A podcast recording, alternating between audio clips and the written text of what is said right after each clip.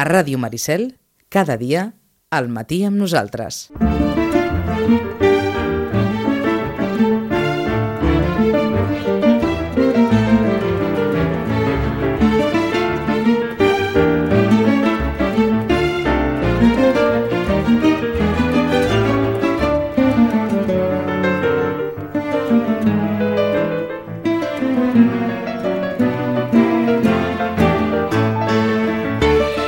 l'any comença, com sempre, amb l'edició del Premi Nadal i del Premi Josep Pla. No és tan popular el guanyador del Josep Pla, tot i que és un home molt, molt actiu, més enllà de, de l'àmbit de la literatura, i en canvi sí que és una escriptora popular, malgrat ser jove, la guanyadora de la 73a edició del Premi Nadal, Core Santos en Media Vida, aquesta història de cinc dones que retroben després de 30 anys i d'un fet terrible que va ocórrer durant la seva, la seva infantesa. Una història que se situa al febrer de l'any 1981, al febrer del, del cop d'estat. L'autora de La muerte de Venus, d'Habitaciones cerradas, de Deseo de chocolate, de Diamante azul, protagonista del Premi Nadal. I Xavier Tarós amb La fada negra, un thriller ambientat a la Barcelona del 1843, a la Barcelona bombardejada per Espartero, li serveix a Xavier Tarós per aconseguir l'obra que ha guanyat la 49a edició del Premi Josep Pla, La fada negra. Ben aviat a les llibreries. A les llibreries, que són protagonistes avui també d'un interessantíssim reportatge a La Vanguardia, eh, eh, que posa sobre la taula allò que tantes vegades hem dit a la Rosana Lluc. Un munt de novetats cada setmana, que no hi ha temps ni de digerir. En un món com és el de les llibreries, que va a menys. En un país en què s'editen més llibres que mai i més novetats que mai. I en un país on els informes assenyalen que hi ha prop d'un 40% de persones que no han llegit mai. Allò de dir, mira, agafo un llibre i me'l llegeixo tot sencer de dalt a baix. Rosana, bon dia i bona hora. Hola, molt bon dia. Visca la contradicció. Sí, exacte, visca la contradicció. Bueno, sempre hem viscut així, nosaltres, o sigui que... No, Esteu acostumats a això, a escoltar-ho sempre, eh? Mm, Sí, sí, és un país on eh, s'edita molt i on es llegeix molt poc, i és així. Per què deu ser? Uh, bueno, raons... Ni, uh, a veure, les raons així més, més peregrines serien que tenim massa bon temps, malgrat que ara faci molt de fred. Pensa que malgrat el fred que fa, tenim gent uh, prenent copes i prenent-ho tot uh, al carrer i sense estufes. Vull mm -hmm. dir que dius, carai, doncs la gent tenim un temps que realment bé, que, que acompanya per, fer, per estar masses hores al carrer. D'acord, aquesta és una I, raó... Això és una raó peregrina, però ho és, eh? Dir Aquesta, que, eh? aquesta és, seria una raó per no llegir, però la, Exacte. però la pregunta seria per, per què s'editen més llibres que qualsevol altre lloc en un país que no llegeix? Eh, bueno, això és una raó que sempre hem preguntat a molts editors i que no, no l'entenem pas, Mm. Perquè, és clar, perquè- diguem-ne que no és negoci això, no? Bueno, el negoci està en, en que el llibre, segons diu el Monzó, sempre diu és que el llibre costa molt pocs diners de fer, llavors en si, no, diguéssim, a Sí. part dels drets d'autor, eh? Però Sí, en sí, sí. Llavors, clar, és mm, allò, mm, posar-ho a les llibreries, facturar-ho, eh, m'entens, Eh, pagar-ho, després ho tornes, després és Mhm. com una roda sempre que és D'acord, vol, horrorós, és vols dir que l'objecte llibre Mm. és un objecte molt econòmic de, de produir. Sí, alguns sí, eh? Alguns Alguns, sí. no, perquè són aquells més especials i tal, però alguns sí que són fàcils, vull dir, pensa que per això la gent ara s'està autopublicant, vull dir, perquè és que, de fet, no, no costa tants diners, diguéssim. Mhm. ja, ja, a veure, clar, les editorials ja hi posen molt més, ja tenen molta més pràctica i, clar, el tema portades, paper, etc etc ho dominen molt més i, per tant, quan Ara. compren paper ho compren amb un altre preu. Ara estaríem entrant en una qüestió perversa, eh? Mm. Perquè estem avantposant el valor del llibre, que és com si a un pintor li diguéssim no, no, és que la tela i el marc val el que val. I aleshores. Exacte. el pintor diria, bé, la pintura, que és, que és la meva feina. Però és la feina, exacte. És, eh, els diners és la- l'obra en si, Sí, no? sí, per està això et deia, clar. deixant els drets d'autor a banda, eh? això a banda, eh? Això a banda. Eh? És Eh, això, eh? em, T'ha cridat l'atenció que Core Santos hagi guanyat el Nadal? Mm, a mi no massa, no, no. Sí, a tu? eh, No, no, a mi no. és que t'ho no. preguntava perquè les cròniques periodístiques assenyalaven que, que havia de passar un dia o altre, això. Sí, jo crec que, que sí. La Care Santos, vull dir, sempre està allò, saps?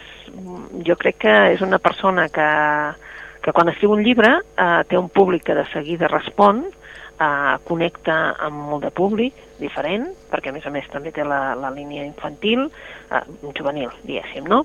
I la veritat és que no m'ha sorprès massa, no, la veritat és que no. I sobre Xavier Terós? Xavier Terós sí que m'ha... Veus, aquest sí que m'ha sorprès més, perquè, clar, la seva obra que jo coneixia fins ara no té res a veure amb, amb això, saps? Vull dir, clar, és més aviat sobre mm, Barcelona, mm, els meus carrers, saps allò... Mm, no sé, eh, bueno, serà una sorpresa. Perquè hi ha molt editat de Xavier Terós?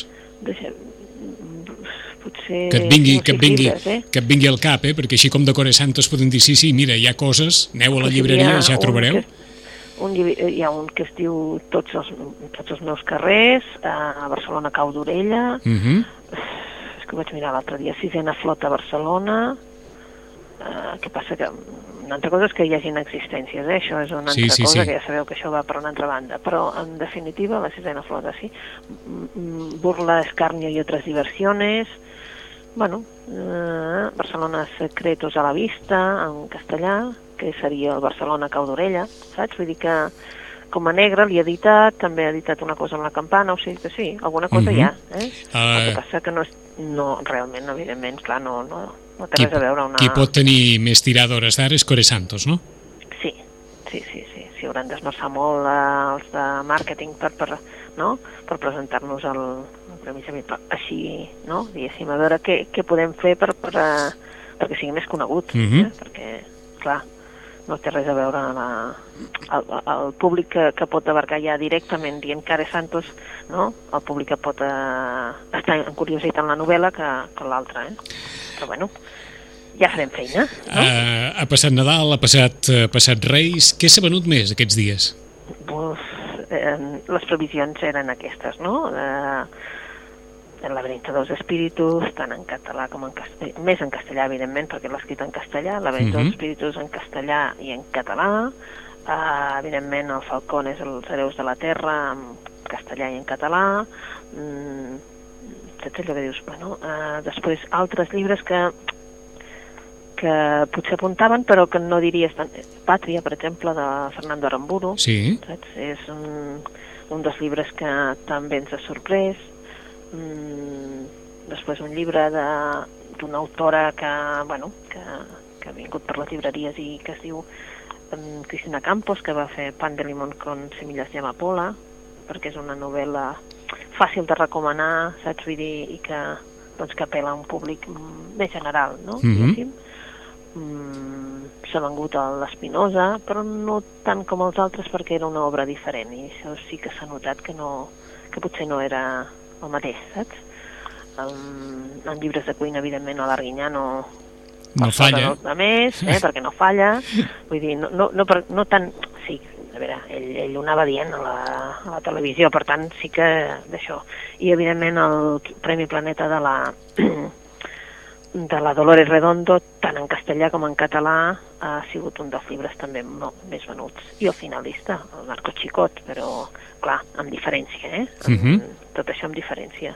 Però sí, aquests serien els El, més, més el, venuts. Eh? el palmarès dels més El venuts, eh? palmarès, sí. Aquests se l'han portat al palmarès, sí. I a distància, i a distància de, de la resta, El laberinto de los espíritus, Els hereus de la terra i Pàtria. Pàtria. Aquests serien els tres llibres que han capitalitzat la- l'atenció de la majoria dels obsequis per, per Nadal i Reis. I com deies tu, crida l'atenció Pàtria perquè és una novel·la complexa, complexa en el sentit que és un tema... És el, el tema, eh? Però la Sí, sí. novel·la, te la, com que te la llegeixes a través de, so- com que són, és a través de, de les dues amigues, les dues dones, eh? que són amigues des de joves, que continuen sent amigues una vegada casades, etc i les dues famílies, i llavors també els marits també es fan amics i tal, doncs és, és a través de- d'elles dues, de la Miren i la Vitori. I llavors, clar, tu veus la novel·la a través dels ulls de dues dones. I per tant és més la, la visió personal de cada un dels personatges, no? la visió de, de sentiments, que no pas el tema en si, perquè el Mhm. tema hi és, eh? i el tema és, és així, és de dur. Eh, aquestes tres arribaran en bona forma a Sant Jordi, no? Sí, sí, sí. mm, jo no estic convençuda que sí, perquè són, són llibres que, que bé, que ha sigut una primera tongada, però sí que és veritat que doncs, normalment eh, no ens sorprèn que el Ruiz Zafón arribi a, als, mm, al Sant Jordi següent perquè sempre arriba i a més a més mm, amb molta diferència d'altres, eh? Uh -huh. Tot i que bueno, han de sortir molts llibres, ara ja saps que ara ve tots els premis, de, en català han de sortir tots els premis, i per tant això també fa que Ara- hi hagi expectació. Ara anava a preguntar, aquest mes de gener, des del punt de vista de, de marcar en el calendari esdeveniments importants en matèria de presentació de llibres, en marcaríem alguns? Jo, jo diria, és que ara no recordo si surt el gener o surt el febrer, però surt el Rafael Nadal, Sí? Uh, la Sílvia Soler, és que tampoc no sé si surt en la- l'última setmana o la primera de febrer, saps? Perquè Mhm. hem fet les novetats fa tants dies que al final acabes una mica, saps?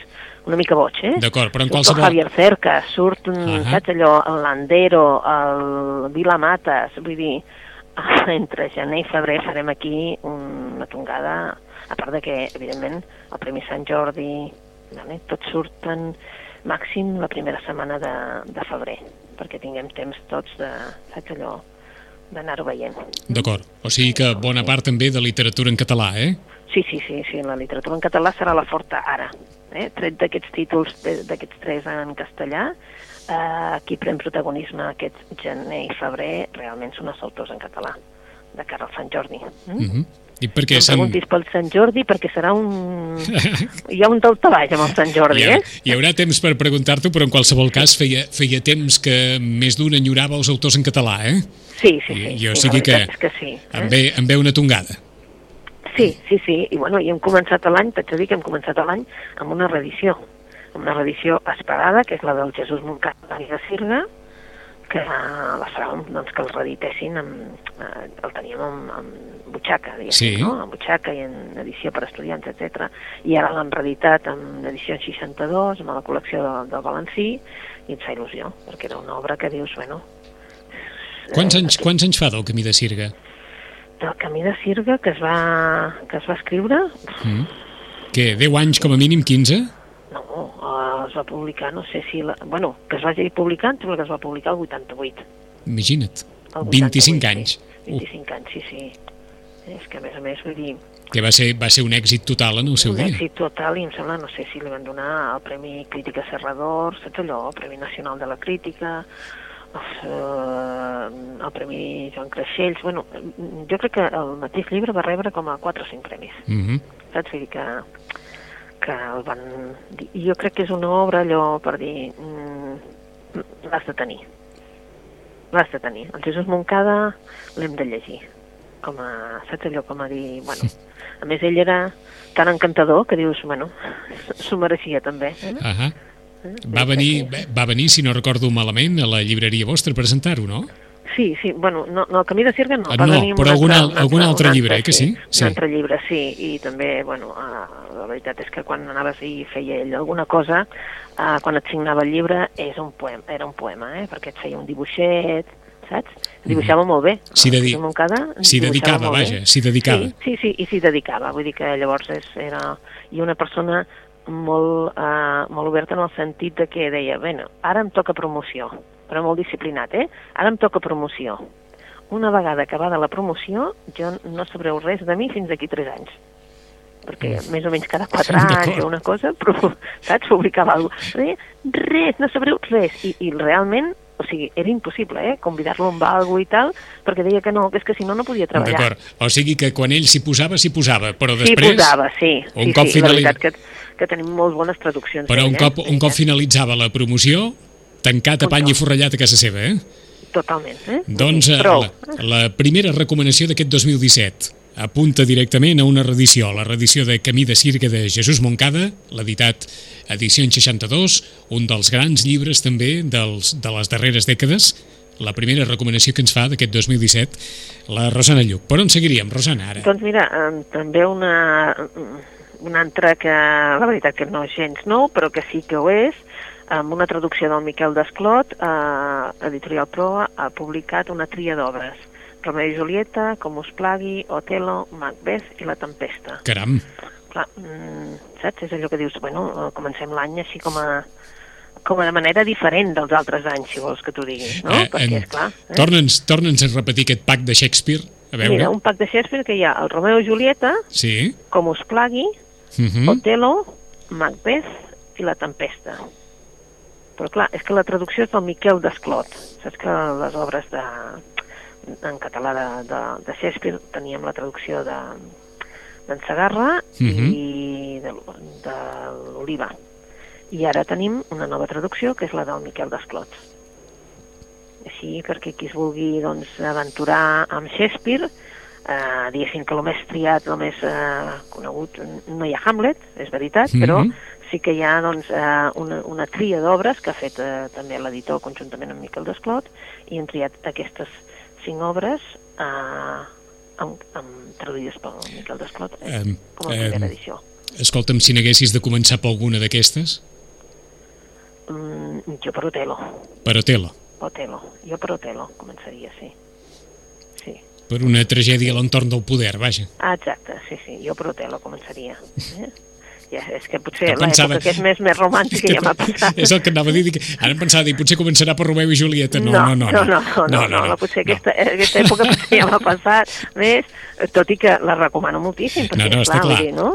Vull dir, Eh, Està clar, a part, a part que és una història, la de Romeu i Julieta, que ha travessat totes les èpoques, ha estat revisitada en 50.000 ocasions per, per tothom, per tots els àmbits eh, artístics de, del món, o sigui que, en qualsevol cas, tots són referents. Romeu i Julieta, com us plagui, Otelo, Macbeth i La Tempesta.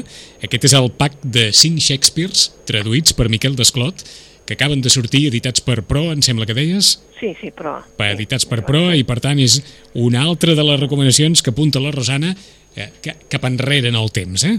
però que val la pena tenir a la, a la capçalera de la, de la biblioteca. Per on seguirien? Bueno, aquesta només està recomanada per uns quants, vale? perquè per a tots aquells que els agradi el món de, de la llibreria, de l'edició, etc etc. I que aquesta és la que va sortir a finals de... però jo diria que no la vam comentar i com que se'n fa una pel·lícula ara que es diu L'editor de libros, Uh -huh. ¿vale? pues, mm, el Thomas Wolfe va escriure una obra que es diu El viejo Rivers. ¿vale? El viejo Rivers era, eh, estava, estava pensat, o sigui, el personatge és un... El senyor Rivers és un editor a l'antiga, ¿vale? un editor d'aquells de, de bon gust, que no vol paraules malsonants, que no li agrada segons quins temes massa realistes, que li agrada la vida social de Nova York, allò d'anar a, a un club a dinar a, amb gent com ell, no? de bones costums. Um, és un personatge així com un tipus Dickens, eh? Però, però clar, mm, també dedicat als negocis. Eh? Um, Thomas Wolfe havia escrit uh, el nen, eh, que no té res a veure amb aquesta obra. Aquesta obra és com un petit homenatge a l'editorial, a l'editor, però tampoc no és que el deixi del tot bé, perquè, clar, li, li diu que no deixava publicar segons què, eh? perquè la veritat és que ell eh, feia allò, saps? Vull dir, no deixava publicar segons què... Llavors, el Viejo Ribes està, eh, està ple d'al·lusions a, a Bridge, eh? que, que fins i tot li va demanar, es veu amb, el, amb un autor que es diu Galsworthy, que, borra, que borrés algunes frases que tenia, saps? Aquest senyor li van donar el Nobel, eh? però ell volia que borrés algunes frases perquè tenien al·lusions massa sexuals. Mhm. Llavors, bé, si volia publicar a l'Scribnes, que era aquella Scribnes Magazine, doncs que el borrés. És una obra molt curteta, però la veritat és que, bueno, recorda una època, una època d'editors, i això sí, una època d'editors a Nova York, clar, però en tot cas una, una època ja perduda. Eh? Se'n farà, com, Ribes, eh? se'n farà, com deies, una adaptació cinematogràfica Sí, sí, que es diu L'editor de libros. de libros. I Eh? El viejo Rivers de Thomas Wolfe, obra d'una tarda, 80 Tu- pàgines. Mm, sí, exacte, res, no ens queda per res, eh? no ens queda per res, Però, eh? Per res, eh? Però bueno, és aquelles obres mm, curtetes que fas un cafè llarg, una tarda de- d'aquelles que dius, bueno, eh? Mhm. No cal ni que plogui, però simplement, només amb el fred que fa, ja convida a seure i, i llegir. Doncs de Thomas Wolfe, El viejo Rivers, a l'entorn del món editorial i sobretot de, dels editors, de la personalitat dels editors en una època molt determinada, eh? en el món editorial d'entreguerres i segons ens diu la, la nota també de, del llibre, una crònica ferotge de la vida social a la Nova York del crac de l'any 1929. Mm, També trobaran això en el, en el llibre. Per on seguim? Pues seguim, si us sembla, per un, per un periodista, un periodista conegut, però que, eh, que es diu Gay Talese. Eh? El llibre més polèmic de l'any, diu la cinta que, que, que ha posat l'editor, perquè els portaran també, és una obra que portaran al cinema, eh, el Sam Mendes i l'Steven Spielberg. Uf. Sí. Sam eh? Mendes, que és l'home de American Beauty, entre altres coses. Mm. I l'Steven Spielberg. I l'Steven Spielberg. Eh? Es diu El motel del Boyer. I la història és una història curiosa que li van explicar a... Bueno, li van arribar un bon dia, eh, als anys 80, li arriba una carta al Gay Talese dient d'un senyor que no coneixia de res i li, li escriu per dir-li que havia comprat un motel per en realitat el que vol fer amb aquest motel és mm, diguéssim fer de boyer és a dir, posar un, un sistema a les habitacions perquè ell pogués veure què s'hi feia. Eh? eh, sexualment, evidentment, eh? Era una plataforma d'observació que tenia ell, no?, diguéssim, per als clients. Llavors, bé, uh, bé el Gay Talese, com que era periodista i era també molt, molt curiós en, en aquell moment, doncs agafa i se'n va cap, a, cap, a, cap allà, cap a Colorado, i per conèixer-lo, per veure si realment això era veritat perquè li va semblar com a molt gros, no? Bé, doncs eh, sí, eh, i llavors el va conèixer, li va donar els seus diaris, però el personatge en qüestió, eh, bé, li va demanar que no, que no, que no, no digués res, evidentment. En els diaris ell el que troba és que havia estat eh, testimoni d'un assassinat que s'havia fet allà, mm -hmm. clar, perquè ho havia vist, no? Bé, em volia per, no volia ell dir res, però eh, fos, avui dia diu que ja està, mm, està preparat aquest senyor per fer-ho, perquè evidentment ja ha prescrit absolutament tot, i per tant eh, el Gate Talese escriu aquesta història, aquesta història que es portarà al cinema. Una història diferent, ja us diem, mm -hmm. eh? Una història diferent perquè és el motel del Boyer. I a més, doncs, hi ha la història també, clar, com que hi ha la part dels diaris que, saps, que, que, que fa que també ell eh, doncs ens expliqui què està passant en cada moment a les habitacions. Doncs quelcom ha passat també des de la publicació d'aquest llibre, o des de la publicació d'aquest llibre en anglès, eh, interessant, perquè eh, Gai Talese, mm, potser alguns de vostès no el tenen allò mm, situat, però és un home ja, és un veterà, té 84 anys, sempre apareix impecablement vestit, amb, amb barret, vaja, barret, un, un periodista sí. de, la, de la vella escola, i resulta que arran de la publicació d'aquest llibre i arran de, de la publicació dels capítols del llibre, alguns mitjans americans van intentar estirar d'aquesta història, que és una història real, és a dir, el que ens comentava la Rosana, l'home que va comprar un motel per convertir-lo, precisament, en un lloc on s'espiava les parelles que, que hi anaven.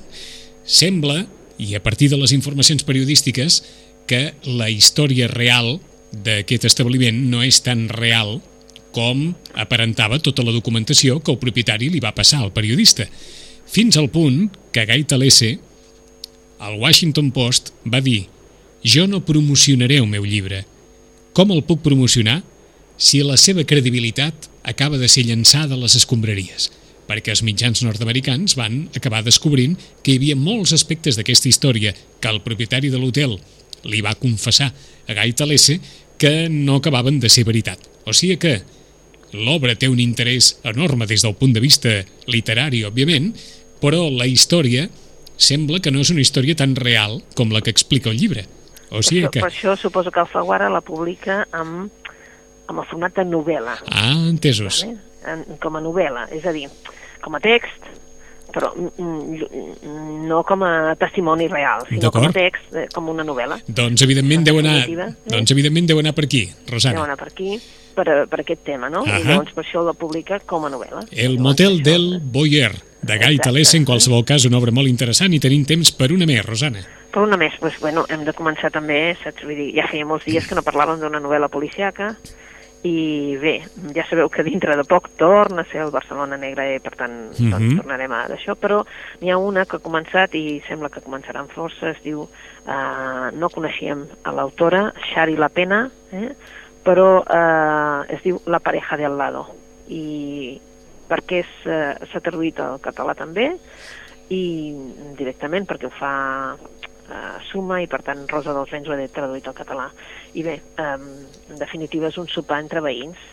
Són veïns, però un matrimoni té, hi ha un matrimoni que té una criatura, per tant, eh, per no portar-la al costat, perquè la veïna, la veritat és que li molesten les criatures, i sobretot quan comencen a marejar, etc mm -hmm. que clar, és difícil tenir una criatura amb un sopar d'adults, no?, i llavors, clar, mm, doncs decideixen doncs, tenir-la amb el monitor, el típic que es fa, no? estem a l'altra habitació, mm, vull dir, total, estem a l'altre pis, no passa res, però quan uh, una de les vegades que doncs, el pare puja a comprovar, uh, sí. a comprovar si és, resulta que la criatura ha desaparegut.